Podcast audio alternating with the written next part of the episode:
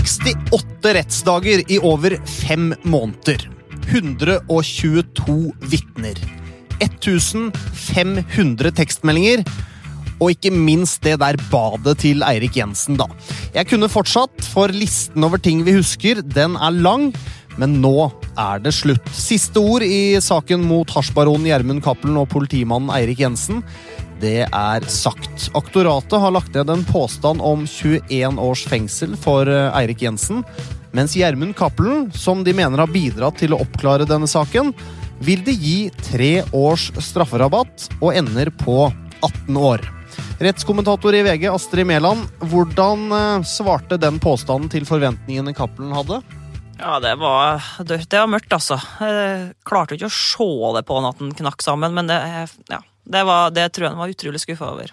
Hvorfor det? Han har sittet og snakka og snakka, avhør på avhør på avhør, fortalt om familie blitt dratt fram. Alt som er nært og hemmelig, er ute i offentligheten om han. og Formålet hans var jo selvfølgelig å få strafferabatt og snakke om Jensen.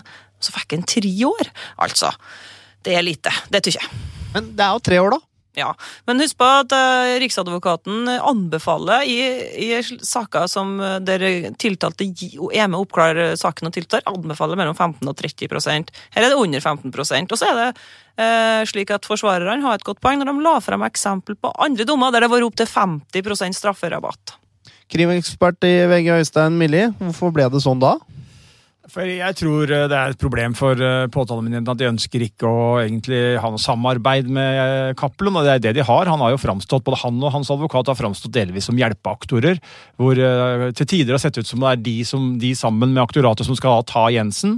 Uh, og det er klart det er ikke noe særlig god stil for uh, et aktorat og føle at man på en måte har en kriminell av det kaliberet på laget. Så jeg tror det har vært uh, et sånt elsk- og hatforhold fra aktoratet. Jeg har vært veldig glad for at han har gitt det bidraget han har gjort, uh, knytta opp mot at det skulle da få oppklart det de mener har vært en oppklaring mot Jensen. Samtidig så har de hata at de har vært nødt til å på en måte ta han inn i en slags varme, og det tror jeg også har vært et problem for dem helt inn i slutten, og da helt inn til vurderingene rundt straff. Fordi han har jo vært kronvitne til aktoratet? Ja, han har det. Uten, uten Cappelen, ingen Jensen-sak. De har prøvd uh, flere ganger før, Spesialenheten, å etterforske Jensen for forskjellige uheldige forhold.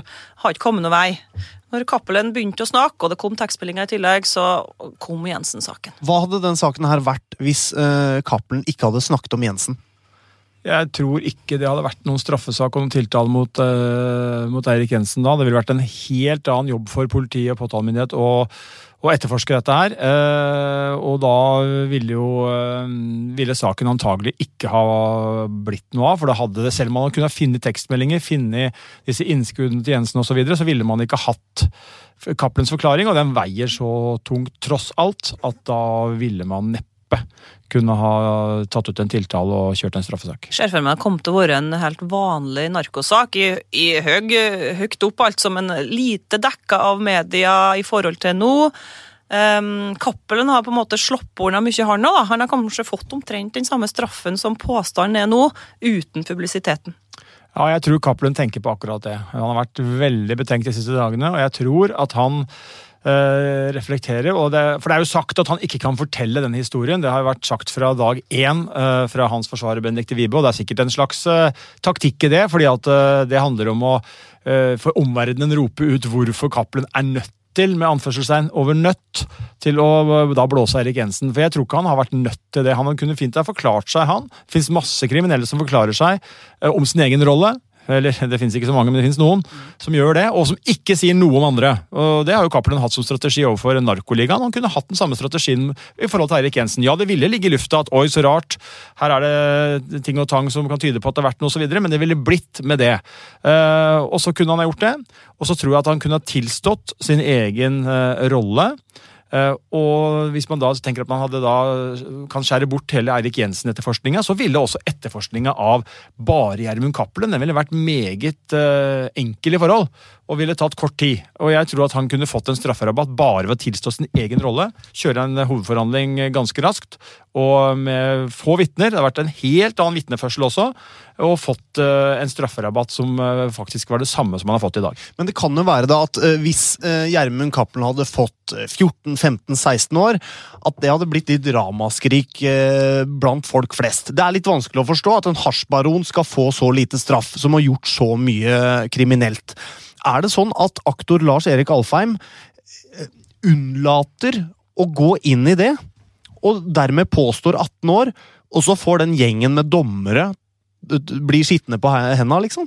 Han vil jo nekte for det, selvfølgelig, Alfheim, men eh, det er fullt mulig å tenke seg at det er eh, I hvert fall så er det Det blir en realitet, da. Selv om han skulle ønske det eller ikke ønske det, eller gjort det bevisst eller ikke gjort det bevisst, så er det, så er det sånn det blir nå. fordi at Uh, skal ha en strafferabatt, og um, det er jo um, et slags minimum på 15% og han er jo ikke der, Uh, og han har ikke bare tilstått sin egen rolle, som automatisk gir krav på strafferabatt. Han har også da, som påtalemyndigheten ser det, gitt uh, forklaringer som er med på å oppklare forhold mot andre personer, altså Eirik Jensen. Og det er klart, uh, Betalinga for det i form av strafferabatt er veldig veldig, veldig liten, og det tror jeg Gjermund Cappelen er uh, så misfornøyd med som det går an. Samtidig så er det jo et problem med tanke på da rettsoppfatningen til mannen i gata, for det er et poeng i strafferetten. Altså, dommen og straffen skal stå i forhold til hva folk flest syns er rimelig.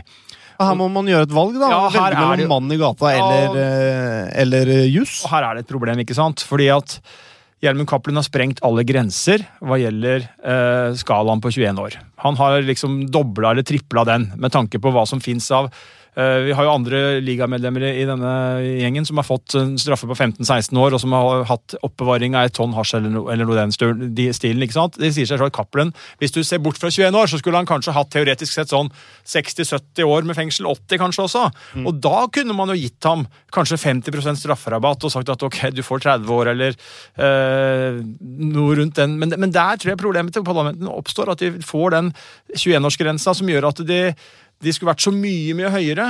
Og skal du liksom tolke da kravet til strafferabatt eh, bokstavelig, så skal du så fryktelig fryktelig lavt at du kommer i konflikt med både hensyn til andre som er dømt, og rettspraksis ellers. Og du kommer i konflikt med det som er rettsoppfatning til folk. Det vil bli et ramaskrik hvis Cappelen går ut med elleve års fengsel etter å ha vært norgeshistoriens verste hasjkriminell. Tidlig i sin sluttprosedyre så fant forsvarer Benedicte Vibe det for godt å sitere dikteren Margrethe Munthe. Munthe står blant annet eh, bak teksten til eh, På låven sitter nissen, og ikke minst Hurra for deg som fyller ditt år. Det var ikke akkurat noe hurrastemning da De Vibe snakka. Han valgte å fremføre regla 'Sladrehank skal selv ha bank'. Sladrehank skal selv ha bank, for han har en lei skavank. Og hvordan blir det de to siste, da? Skal vi se. Sladreren skal selge bank, for han har en lei skavank. Synes selv han er så bra, men om andre ondt han sa. Astrid, hva tenker du om eh, dette? Nei, jeg måtte le litt, altså. Eh, men det er sant som Bendik de Vibe sier, at det er ingen som liker en tyster. Likevel så skal Cappelen har betalt. Eh, slik er loven. Men det jeg tenker på, er at eh, som jeg har tenkt litt på etter, det her er at Alfheim, aktor Alfheim er litt låst her. Fordi teorien til, til forsvareren til Jensen her fra starten har vært at Gjermund Cappelen har jugd opp den historien, eventyrhistorien om Jensen, fordi han ble lovt så masse strafferabatt. Og det er det jo litt som tyder på at han ble lovt. Vi har fått høre tape i retten, avspilling av de aller første samtalene med etterforskerne, der de snakka om amnesti, de snakka om helt sånn ville forestillinger om tre års fengsel, snakka Cappelen om, og de, de avkrefta liksom ikke det. Det kom an på hva han kunne levere om Jensen, virka det som. Og hvis han leverte godt, så skulle han nesten ut i morgen, omtrent. Det var overdrevet som en det der har jo Elden og Holden, forsvareren til Jensen, hakka på med god grunn i rettssaken. Og dommeren har virka opptatt av det der. Hva slags avtale var det som ble gjort den gangen? Virka ikke så bra. sant? Og så Hvis Alfheim nå i retten har kommet og sagt skal ha ti års fengsel, så ville de sagt ja, se hva, hva oss sa. Det der er en avtale du har gjort med en korrupt narkobaron. Fordi eh, eh Cappelen må jo ha hatt helt enorme forventninger til hva det skal føre til at han forteller om Jensen? Han føler seg lurt. Eh, det er ikke tvil om at han gjør det. Eh, og det er, med, som Astrid sier, med med, med, litt, det litt rett, med litt rett han gjør det. fordi at øh, disse samtalene så er det Det er helt åpenbart at Cappelen har noen forestillinger. Han begynner jo egentlig på null år, altså benådning.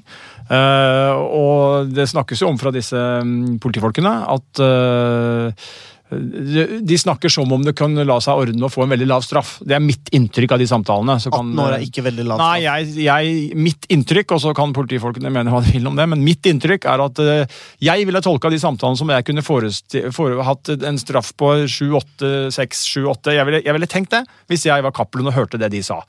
Uh, så det um, En setning har brent seg fast. Cappelen sa at han ville hjem for å hente noe klær og noe hygieneprodukt når han satt i varetekt eh, som jeg trenger i fengselet, hvis det skal bli sittende sånn særlig lenger, da. Det var det han sa. Han har en slags forestilling om at han snart skulle ut. Mm. Mens eh, Benedicte Wibe dunka til med 'Sladrehank skal selge bank', så eh, hadde advokat Holden beveget seg inn i musikkens verden. Henning Kvitnes, en sanger fra Halden, han har en melodi som heter 'Evig eies kun et dårlig rykte'. Og eh, etter min oppfatning så har eh, Eirik Jensen fått virkelig føle det ved at han sitter her i dag. Det er voldsomt fokus på kultur i sal 250. Jeg lurte litt på om de har gått på liksom, den straffeadvokatskolen, og så, og så time to og tre og sånn. Der var det start med noe enkel kultur som hele Norge har hørt om. jeg vet ikke, Det var jo òg noe fra aktoratet, var ikke det? Jo da, det, det var eh, altså, Har det noe å si at det er så mye publikum der, og at de vet at dette blir filma?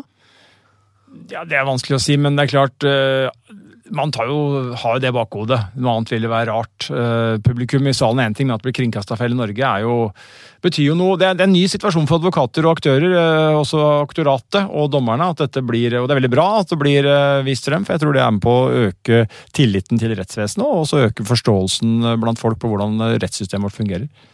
Apropos forståelse, Jensens eh, forsvarer John Christian Elden var krystallklar på at bevisene mot klienten klientene hans ikke eh, er gode nok. Han mener at retten må vite for å være sikre på å dømme Jensen. Dere skal ikke tro.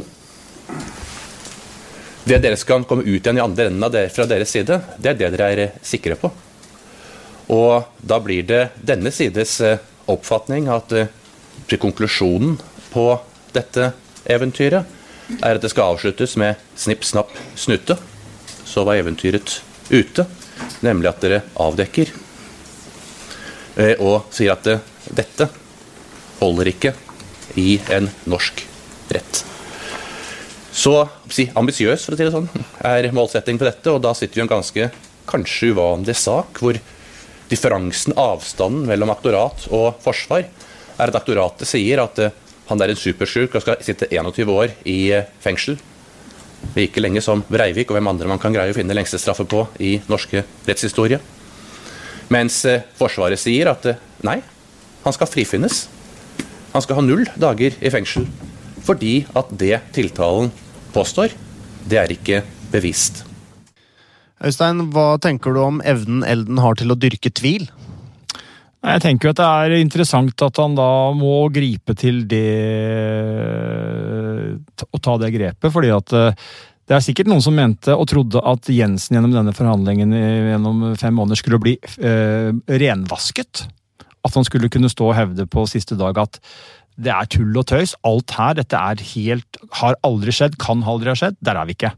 Eh, forsvaret bruker eh, som vi hørte nå, eh, hovedfokuset sitt på å si at bevisene er ikke gode nok. Og Det betyr jo at de mener at de innser at det, kan, eh, at det ligger noe der, og at det er grunn til å en måte ha en mistanke, og at det ikke er helt eh, helt uh, skandale at det er tatt ut en tiltale, men at uh, de begynner å da gå på den som bare med, med, med sikkerhet. Og, og, det er jo et godt forsvarergrep, men Når utgangspunktet for saken tror jeg kanskje var for noen at eh, man så for seg at Jensen i mye større grad skulle bli renvasket. Forsvaret har heller ikke klart å levere på det som var forventningen til dem. Om, om det er de som har skapt dem sjøl, eller om det er vi i mediene som har gjort det, eller om det er en miks, det vet jeg ikke. Men, men jeg syns ikke de har klart å eh, levere på det at det skulle, ingen skulle spares, eh, bare vent til vi kom med vår versjon, var jo, var jo ting som vi hørte. Eh, og jeg har jo ikke blitt eh, veldig eh, Jeg er ikke veldig sånn overraska og veldig har ikke bakoversveis over det som har kommet fram, da. Eh, Men sier du nå at eh, forsvarerne til Jensen kan tenke ja, det kan godt hende han er skyldig, men bevisene for det, de er ikke gode nok. Ja, de, Nå tenker Forsvaret ikke på om de er skyldige eller ikke skyldige. De tenker profesjonelt på det. tenker, er, dette, er, det, er, det en, er det bevisst, er det ikke bevisst? Og de mener at det ikke er bevisst. Og så kan man jo mene at enten at det er fordi at eh, alle anklager er helt grunnløse, eller man kan se at eh, det er tvil. Og det er jo interessant, syns jeg, at de da går på det med tvil og bruker det som sitt eh, hva skal vi si, fremste våpen. Uh, og, men det er uansett uh, hva man mener, så er jo det lurt. fordi at man kan jo, Selv om man sjøl skulle sitte og mene at å, dette er helt ubegrunna, og bare gå på den strategien, og ikke eh, appellere til det som kanskje er dommernes enkleste vei til en frifinnelse, nemlig å gå løs på tvilen, så ville jo det vært feil også. Men, eh, men eh, det er i hvert fall interessant å høre at det er et hovedfokus. da. Astrid Elden og co. de koker jo suppe på den spikeren de har. Hvor god er den spikeren? Altså, de har jo en eh, kjempevanskelig oppgave, det må vi jo si først av alt. Altså, De har en klient som har gjort en god del rare ting. Hatt en uh, forferdelig lang SMS-utveksling med Jensen over ja, ti år. 1500 tekstmeldinger, han har fått penger fra Jens, eh, Cappelen. Han har drevet med svarte penger, det han innrømmet. Han har fått noen klokker. Han har ikke opptrådt etter politiregelverket. Han har gjort en rar måte å sette inn penger på. ja, Reist rundt og han har hatt uh, altfor mange penger i forhold til lønna si. Så er det en god del som er rart. Eh, så det er en tøff oppgave, og jeg syns ikke egentlig at de har levert, sånn som Øystein var inne på, eh, etter det de lova. I hvert fall så gikk de ut tidlig i rettssaken og sa at det her er rolig, folkens. Vi skal oppklare det her med pengene. Det kommer en revisor som skal fortelle alt om det. Det kom jo en revisor. Ja, så kom han revisoren, og han fortalte bare at ja, han har tjent 40 000 på noen bikkjer, ja, har jo noe belegg for det? Nei. Så det var bare egentlig et tall tatt ut fra hans eget hode, som sto for hans egen regning, som ikke overbeviste uh, verken retten, og i hvert fall ikke dommeren, for han sa jo at det holder ikke, eller jeg vet ikke hva han sa riktig, men det var, ja, var ikke noe hjelp i det. Um, så kan du jo også si, som eh, Øystein sier, det er enig i at eh, aktoratet har hatt samme problemer med, med bevis, men det er jo fryktelig vanskelig å finne noe som ligner DNA eller blodspor i en sak der det er så stor kontantøkonomi, der det er så lite spor, elektronisk og osv. Så, um, så, de- så det er vel heller det at de må Altså at alle beviser må utgjøre en, en kjede, en indisiekjede, så må de se, retten må se det i sammenheng. Men, men forsvarerne til, eh, til Jensen de eh, så jo ikke så veldig mye sammenheng, men de plukka ut enkelt-SMS-er Ja. og forholdt seg til det. Hva de, tenker du om den taktikken? De har noen gode poeng. Vet du. Det beste poenget syns jeg jo er at de tok giftpilene rett inn i Cappelen og ga konkret eksempel på der Cappelen har jugd og jugd og jugd. Og det er jo det de er helt riktig. i. Han har sittet og jugd og unnlatt å gi en masse informasjon der det passer han. Han har ikke snakka om familien, han har ikke snakka om ligamedlemmer, han har snakka om Jensen. Også seg sjøl, da. Um, så troverdigheten til han eh, Cappelen er svært dårlig, og han er kronvitne. Eh, Så kom eh, forsvarerne en god del, kom god del eksempel på litt sånn merkelige SMS-er som sikkert kan bety solskinn, som de påstår. og Sånn. Jeg ble ikke helt overbevist over det. Det var på en måte bare en sånn påstand mot påstand uten videre belegg, der Holden, forsvareren til Jensen, sa at eh, min versjon er den riktige, og aktoratet sa nei, det er vår. Så det. Nei, det er jo, øh, og det er jo det som er øh, kanskje, og det skjønner jeg for så vidt òg, men det som øvelsen som Forsvaret kjørte, var at de, de hoppa jo over en del SMS-er, de hoppa over en del ting som kanskje aktoratet syns er viktig, da. Eh, eksempel, hva betyr meldingen når Cappelen blir taus eh, eh, før jul i 2013, som Jensen sender? Ikke noe solodrikking nå, eller noe i den retning, hvis jeg husker ikke ordlyden helt riktig, eller helt, helt nøyaktig, men i hvert fall noe i den retning. Det er jo sånne ting som Forsvaret ikke brukte noe tid på. Og det vil jeg tro kanskje dommerne lurer på. Hva i all verden betyr det når Cappelund går av nett fordi han er tatt? Og så sender Jensen en melding om ikke noe solodrikking nå. Eh, så sier vel Jensen at det handler om at han ikke skal Uh, altså i forhold til informantvirksomhet og kildevirksomhet, og ikke begynne å operere alene og vente på at Jensen kommer. Altså. Så han har en forklaring på det, men så spørs det om den er god eller dårlig. Uh, så det, det, men vi må, det, det, vi må huske på, da, som kanskje oppfatter at av og til folk glemmer, helt uavhengig av hva denne saken ender med, så er det ikke sånn at man jeg har bare lest mange, masse kommentarfelter på saker i denne saken. Og, og mange mener jo tilsynelatende og tror der ute at uh, for å bli dømt for noe, så må det finnes såkalt fellende bevis. Uh, og Det har vi hørt i mange saker. Ordre-saken, Jensen-saken, Øygard-saken. At det må finnes og et, bevis. Dette beviset kan jeg tro på. Dette er bakgrunnen for at vi kan dømme. Det er jo ikke sånn det er. Det er at man skal vurdere bevisene Eh, og man kan vurdere en beviskjede. Og da skal man heller ikke vurdere bevis for bevis, for da vil det kanskje falle. Hvis vi sitter og tar hver melding fra Jensen, eh, hver pengeoverføring, eh, så vil du forkaste alle. Ja, det er ikke rart at han setter inn 4500 i én gang. Bort med den. Kommer det ny igjen? Det er ikke rart at han setter rundt 3000 kroner én gang. Bort med den. Det ville jo ha båret galt av sted. Det skjønner alle da. Men derfor så må man tenke at man skal vurdere de samla. Og det er altså sånn at man kan dømmes, og det er bevis godt nok i norsk rett eh, når man har en beviskjede som man i sum mener hever enhver, fjerner enhver rimelig og fornuftig tvil. Hva betyr egentlig enhver rimelig og fornuftig tvil? Det betyr at du skal legge deg natta som meddommer og tenke at jeg er trygg på at jeg har tatt en rett avgjørelse, dette kan jeg leve med. Jeg mener at eh, det er eh, så godt som sikkert at vedkommende jeg nå dømmer, er skyldig. Ja, mer enn en eh, sannsynlighetsovervekt, da, ikke sant? Mer enn 51 Det er jo nærmere 90-100. Ja. Så hvis det er på 78, da? Hva gjør du da? Frikjennelse. Frikjennelse. Frifinnelse. Ja, ja. Så Det er jo også viktig. og Det er sånn uh, som også kanskje folk ikke er helt klar over. at uh, Det er ikke sånn at man kan sitte og tenke at jeg er 51% sikker, og derfor så blir jeg dømmer jeg Jensen eller Cappelen for den saks skyld. Man må være opp mot helt sikker. og det er jo ulike øvelser på det med prosenter, men eh, og det er tett opp mot 100. Så det er jo strenge krav. Og nettopp derfor så er jo det, det Forsvaret til, til, Jensen driver med. De sår tvil om de forskjellige elementene i saken, og det, det er jo en smart strategi. Ja, for Er det mulig å være nærmere 100% sikker etter de fem månedene her? Som lekdommer, liksom? Jeg kan jo helt sikkert tenke meg at de lekdommerne gjerne skulle hatt flere bevis. For det er klart, jo sikrere du kan uh, bli, jo bedre er det. Og de ville helt sikkert ønske seg at det, at det forelå en uh, bankoverføring fra Cappelen til Jensen på 150 000 kroner som ingen kunne forklare, f.eks. For Hvor det sto hasjbetaling på? Ja, kunne, ja Trekker helt ut ytterligheten, så kunne det jo vært det. Ja. At man hadde dette lydopptaket fra den bilen som ikke ble gjort. Og Jensen hadde sagt eventuelt det. Selvfølgelig, Det hadde vært veldig behagelig for en dommer å kunne lene seg så til de grader på det vi da kunne kalt fellende bevis. Men det er igjen for enkelt da, ikke sant, å avvise en sak hvis det ikke finnes et fellende bevis. For det er jo nesten ingen kriminelle som skriver den regninga som Mats snakka om nå, hasjbetaling. De opererer med koder, mm. med hemmelige møter, med Altså, det er jo umulig å slå fast at en SMS eh, med helt sikkerhet hva den handler om, men sett i sammenheng så blir det jo mer interessant. Ja, så For å snu på det og se på aktoratøyene altså hvis du tenker at uh, du skulle forklare noe du har gjort, så er det alltid lett å forklare noe når du ikke skal skjule noe. Uh, stort sett, ikke sant? Det er mye enklere, det. Og det er jo det som er aktoratets poeng. er at Det virker som forklaringene er uh, De mener Jensen tilpasser, de mener han uh, er taus, at han hopper over ting, og at han hele veien er på vikende front, og at det er et mønster. Uh, og Det er jo også en tanke man kan forstå. Akkurat som forsvarerne da angriper tvilen, så kan man jo forstå at aktoratet ser det motsatt og tenker at oi, her har vi en kar som på en måte viker unna. og det er ikke bare én, altså Hadde det vært én episode, to episoder, tre episoder, så kunne man jo ha skyldt på hukommelse, tilfeldigheter og omstendighetene som gjorde at det ble sånn. Men eh, aktoratet mener det er et mønster over mange mange, mange år, og at det knapt er noen av de, penge, altså de pengeinnskudda som kan forklares på en fornuftig måte. De mener ikke at noen tekstmeldinger omtrent kan forklares med det Jensen hevder, fordi de finner ikke igjen noen andre objektive bevis som understøtter Jensens versjon om at dette handla om informantvirksomhet sånn, dette handla om kildevirksomhet sånn, jeg lagde en sak sånn og sånn og sånn.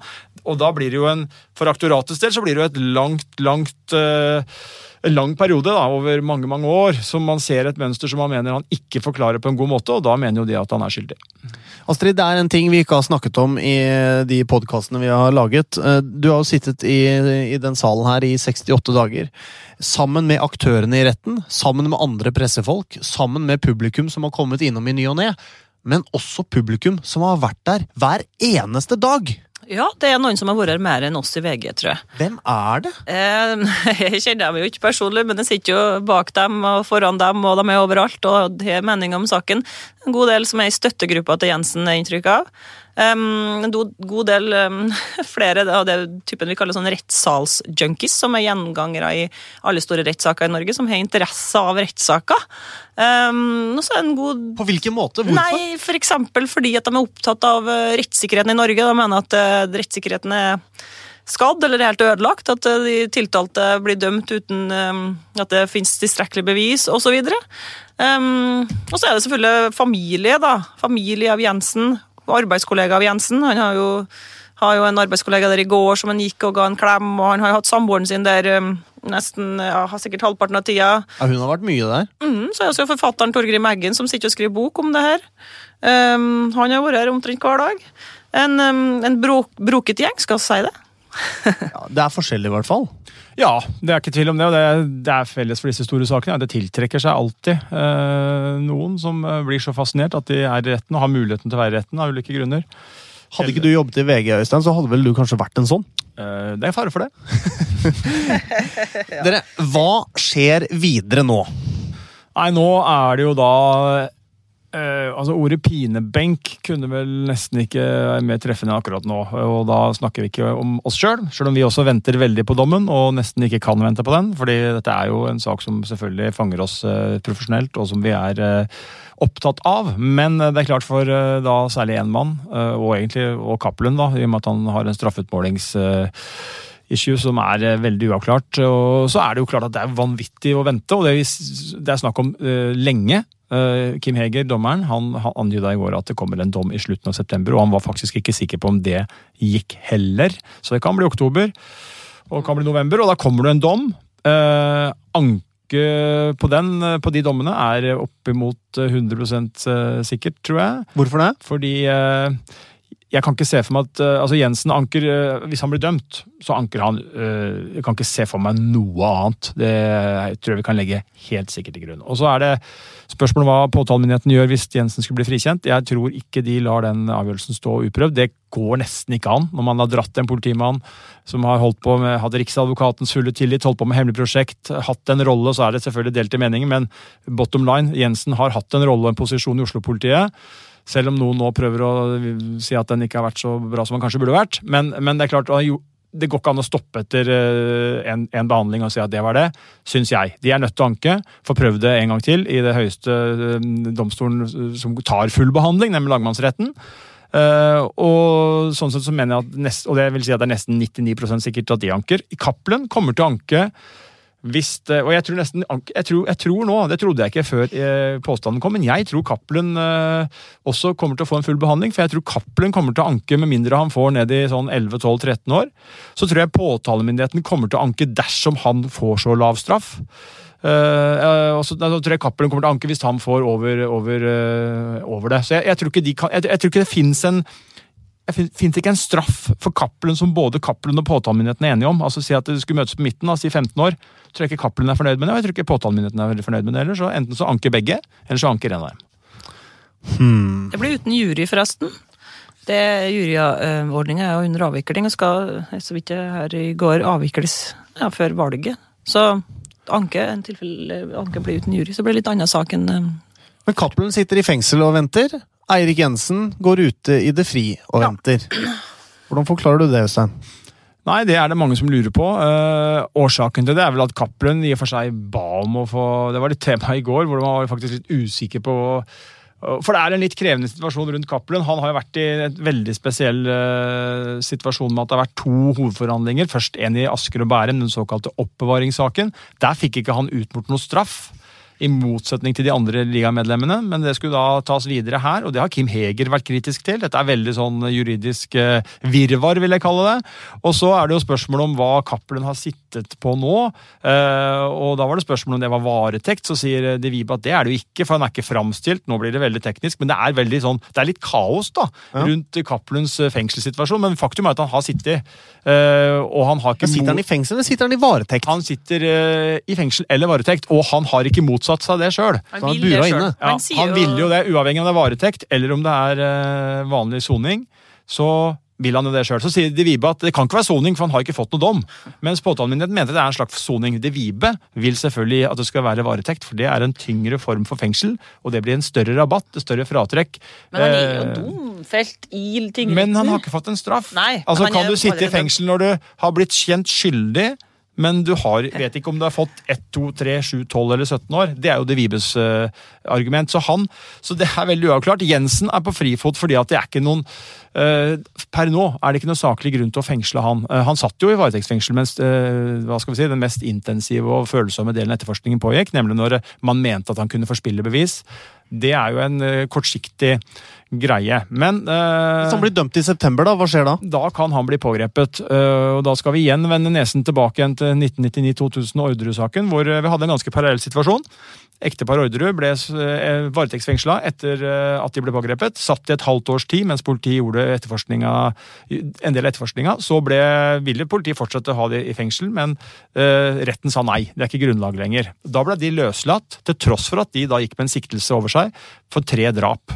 Uh, hovedforhandlingen kom. De fikk 21 år. Eh, og da mens dommeren leste dommen mot de tre, så rullet uh, Romerike politidistrikt sine biler opp utafor grendehuset på Frogner. Sivile biler.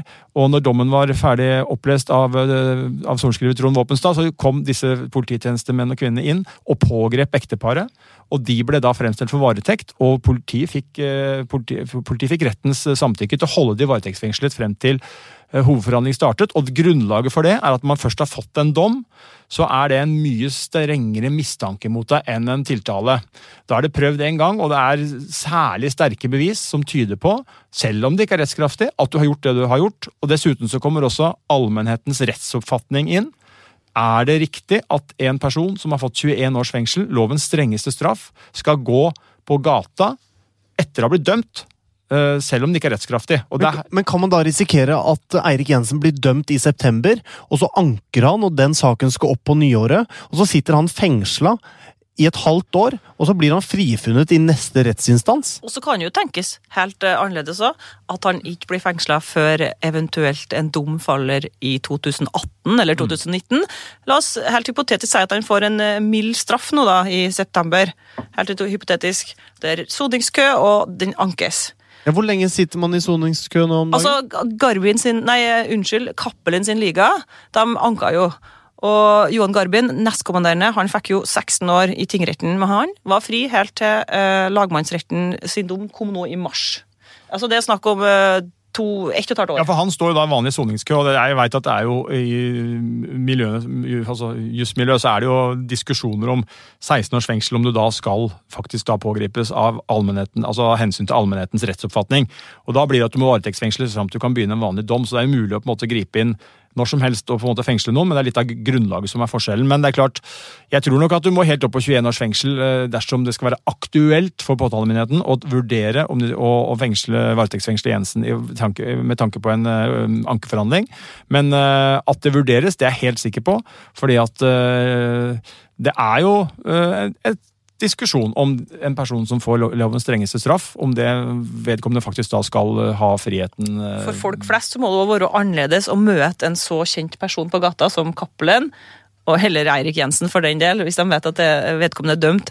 Jeg var jo i Borgarting og så ligaen til Cappelen, og de gikk jo og tok seg en øl i pausen, men det var ikke noen som reagerte på det, for det var jo ikke kjent for allmennheten, verken navnet eller bildet av dem, så det sånn, skap, skapte ikke noe frykt eller noe sånt det. Men de gikk jo ut uh, i lunsjen og drakk øl. Og Det kan faktisk da tale mot uh, Jensen. og Det talte så vidt jeg husker også litt mot ektepar Orderud, at det var en medieprofilert sak. Og man anså da at det ville være støte allmennhetens rettsoppfatning at noen som da var dømt for å ha medvirket til å drept tre mennesker, skulle kunne gå rundt på gata med den dommen hengende over seg. Det ville man ikke ha en situasjon uh, som, som, sånn, og da ble det en varetektsfengsling. Og det kan skje her òg. Rettens administrator og dommer Kim Heger har varsla at dommen kan komme i slutten av september. altså. Han sa samtidig at det kunne hende at den ikke kom i slutten av september, men at dommerne skal jobbe samvittighetsfullt for å fullføre denne dommen. Uansett når den måtte komme til høsten, vi er klare for å prate om den da. På gjenhør, alle sammen.